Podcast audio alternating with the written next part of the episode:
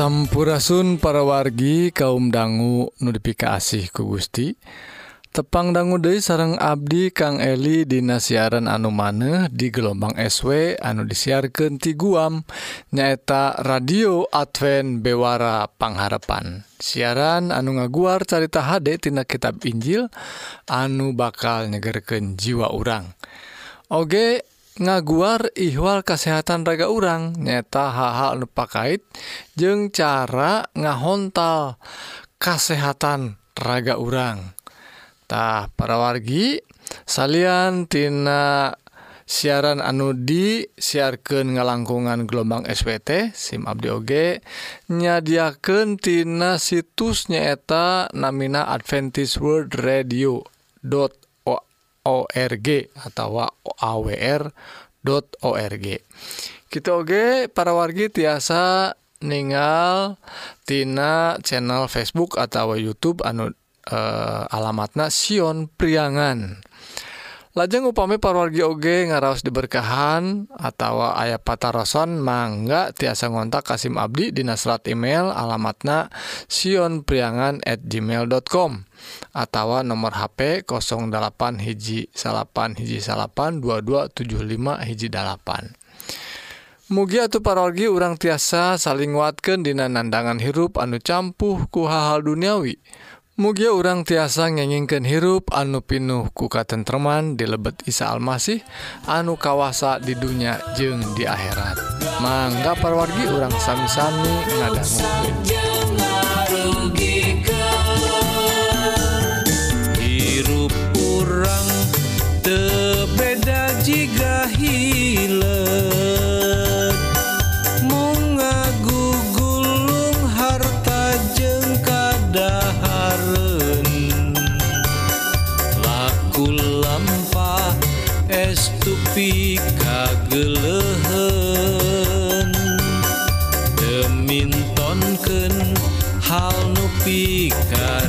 disappear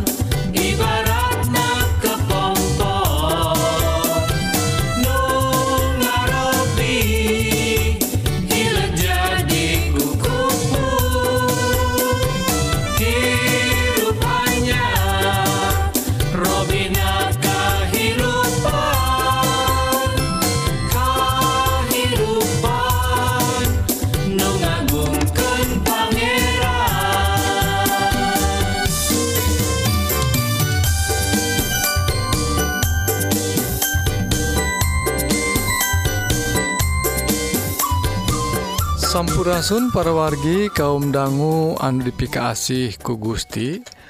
Rohang kasehatan dinten Ieu. Judulna masih tema nu kamari nyaeta 7 metode atau cara masak nu paling sehat. Aenan dugi karena anu kalima nyaeta ngabakar tuangan orangtah parwargi ruina Dina cara-cara masak anu paling sehat nukali mana nyebatkan eh cek bahasa Indonesia nah gening Saminya. Ayaah perbentanan anu disebatkan Armun diterjemahkan bakar mah diduruknya tapi kasebat lucu kadanguna piraku e, daging diduruk atau e, eh, jagong duruk gitunya nda atos kasebat nah eta mah jagong bakar atau lauk bakarnya tah gitu. Danten maksadna iya tuangan tuangan anu tiasa diduruk nganggo sene.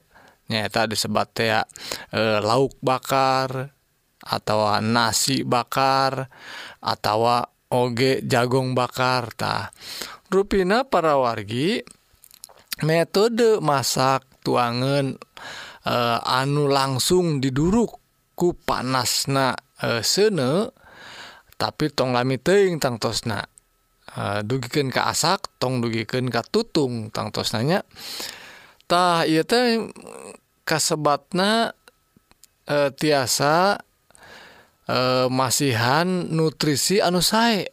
Ruina jantan tuangan-tuangan urang anu dibakar teh anu dibakaran te dugiken katutung tiasa masihan nutrisi anu sae. Sanes sapertos anu digoreng nu tiasa jantan kasebatna seueur lemak-lemakna gitunya tah eh cara dibakar iya panginten sabar harupi wungkul porginya panginten daging anu tadi atawa lauk atau oge jagong tiasa oge tempe tahu dibakar parogi.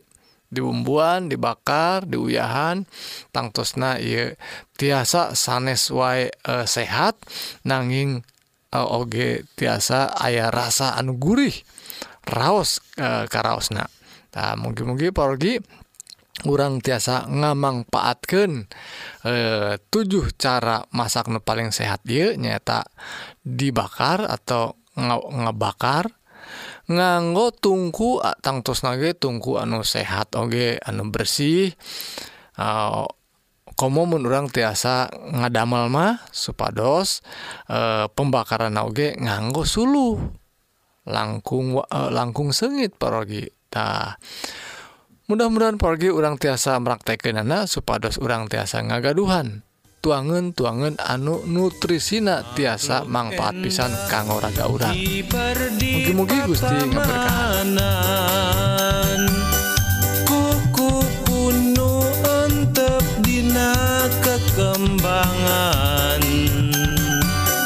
Mantak siap endahna patamanan tu endah makhluk cipta pangeran.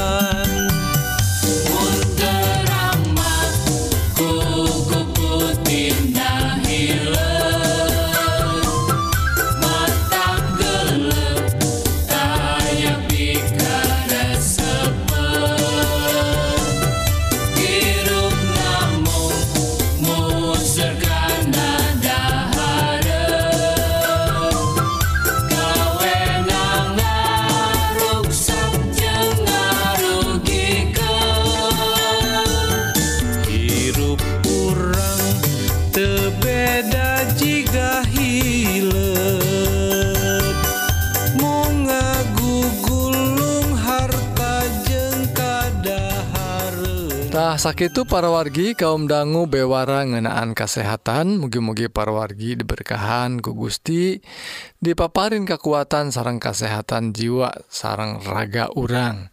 Kanggo lumampah sarang midamel pada melansa di dinten.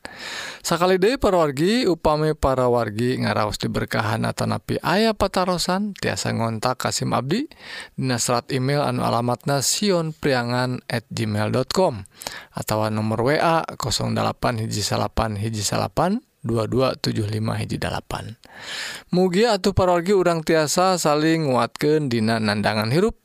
anu campuh ku hal duniawi mugia urang tiasa ngengken hirup anu pinuh ku katentman dilebet Isa Almasih anu kawasa di dunia jeng di akhirat.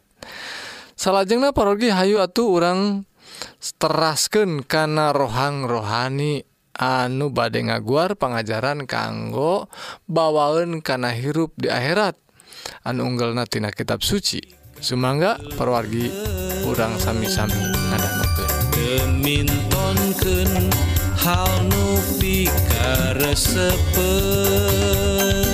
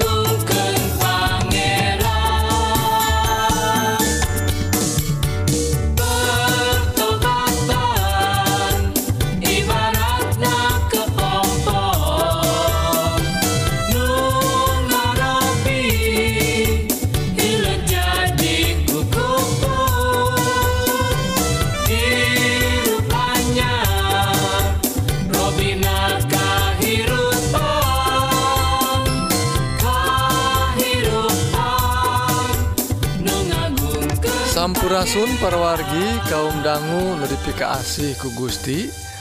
Rohang rohani dinten Ieu.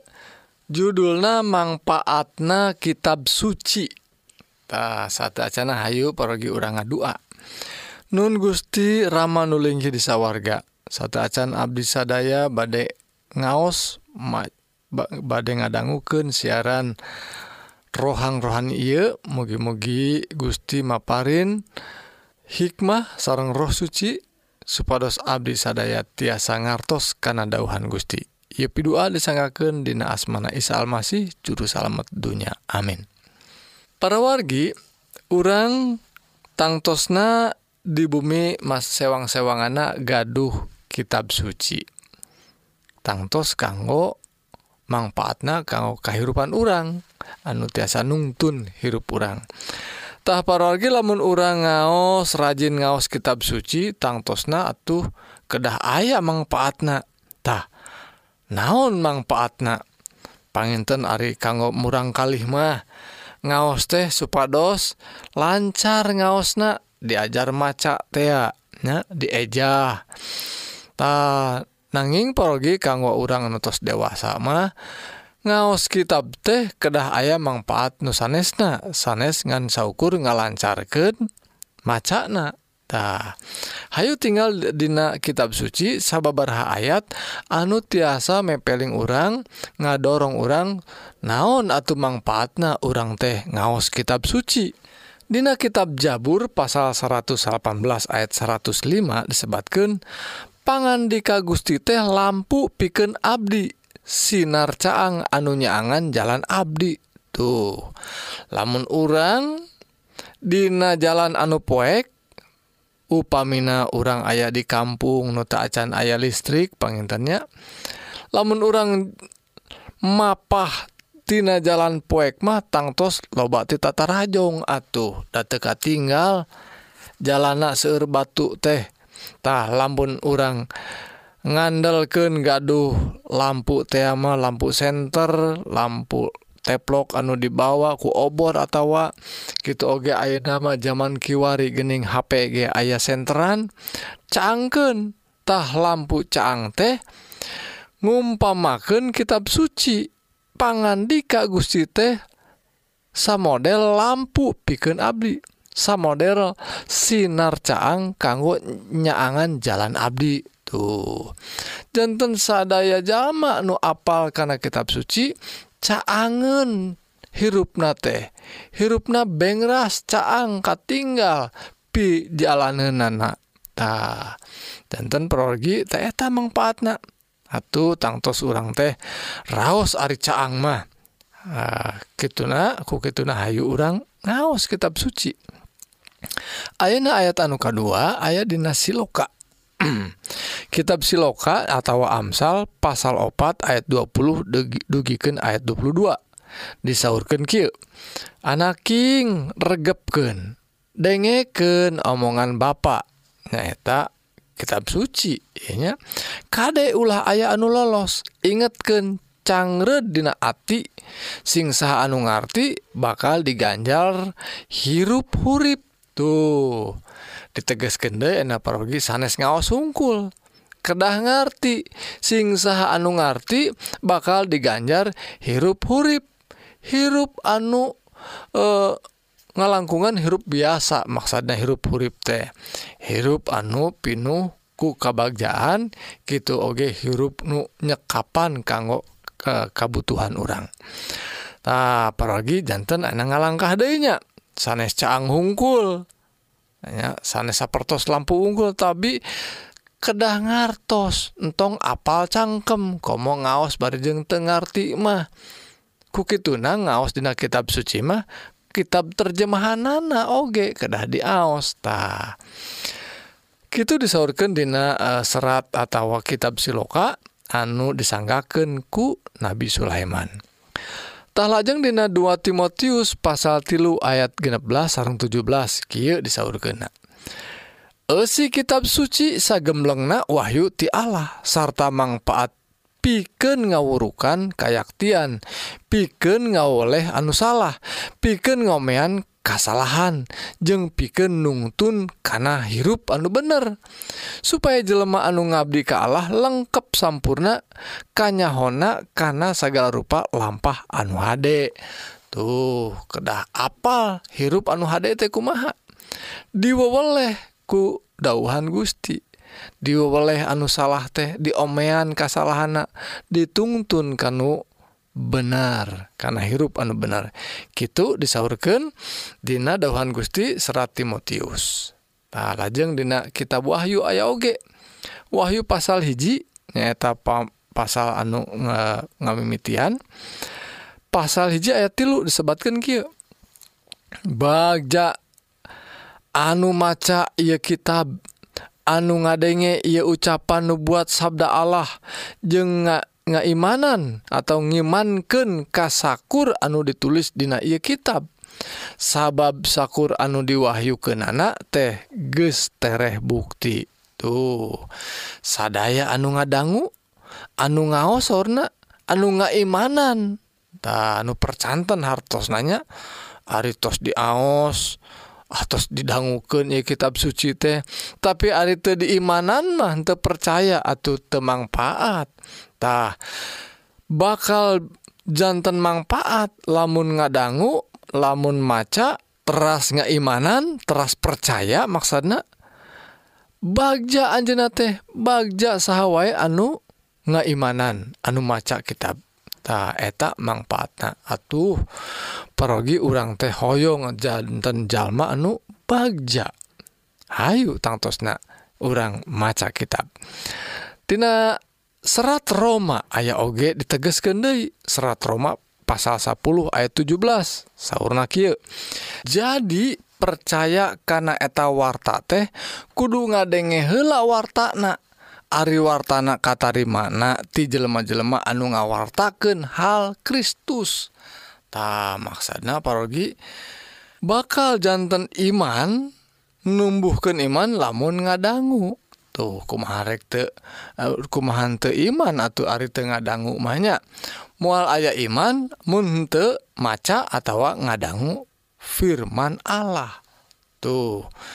Jantan dauhan Gusti teh tiasa nimbulkan iman. Kitab suci manfaatna kanggo nimbulkan iman.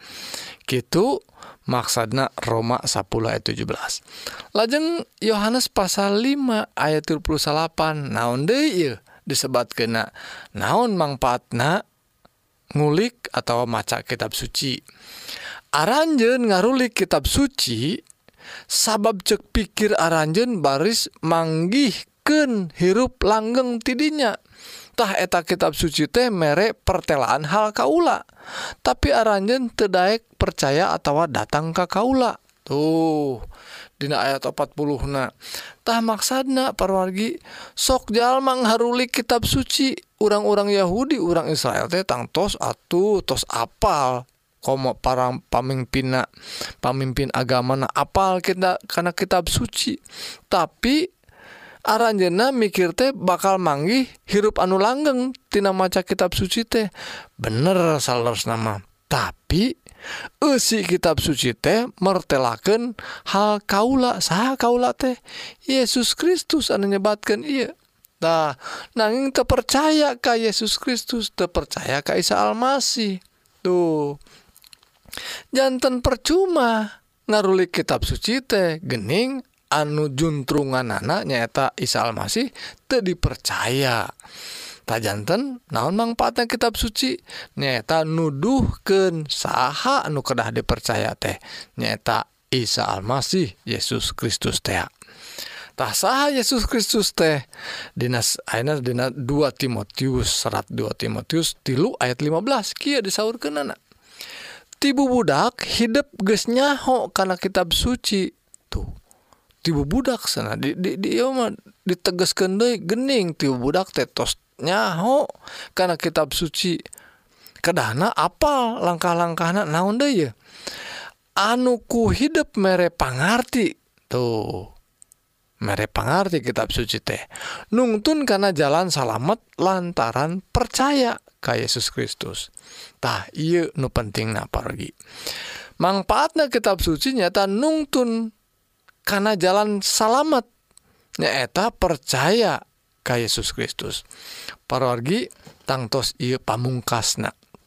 Tadi di pelajaran atau ayat-ayat nu tadi disebutkan masihan hirup anu hurip masihan caang sapertos lampu gitu oge eh ngomean anu salah pikeun nungtun karena hirup anu bener numbuhkeun iman. Tah Ayeuna nu pamungkasna parogi naon nu dimaksud iman sarang percaya teh?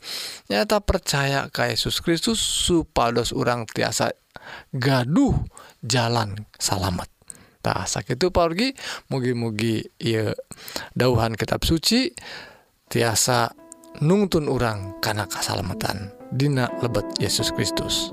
Mugi Gusti ngaberkahan urang sadaya. Amin.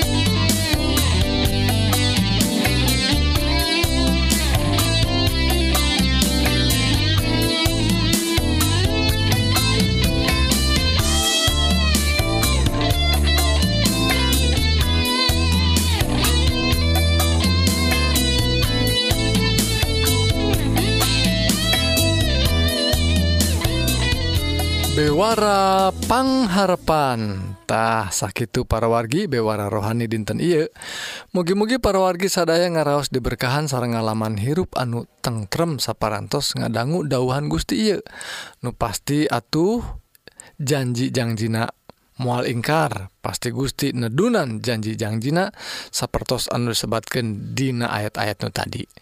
Tahu pami parwargi hoyong diajar dauhan Gusti anu langkung jero tiasa ngontak Kasim Abdi di serat email nyaeta alamat nasion priangan@ gmail.com atau nomor waA 08 hiji salapan hiji salapan 2275 hijjipan SIMkuring Oge nawisan bilih kersa ngaos bahan bacaan rohani tiasa dikintunan serat nama gampil ngan ngirimkan alamat Anda lengkap karena nomor waA anu tadi atawa dina serat email sionpriangan at gmail.com Mugia atuh parwargi urang tiasa saling nguatkeun dina nandangan hirup anu campuhku hal-hal duniawi. Mugia urang tiasa ngengingken hirup anu pinuh ku katentreman di lebet Isa Almasih nu kawasa di dunia jeung di akhirat. Pidua abdi ka urang sadaya. Mugia Gusti ngaberkahan urang sadaya. Amin. Ibarat nafas sareng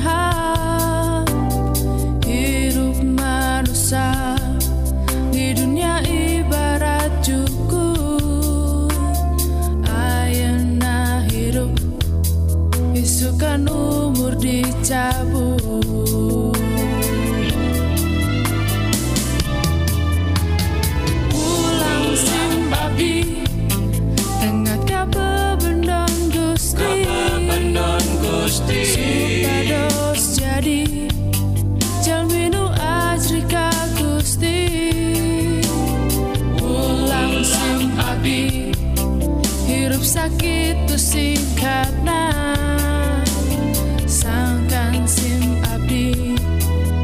berjelma bijaksana.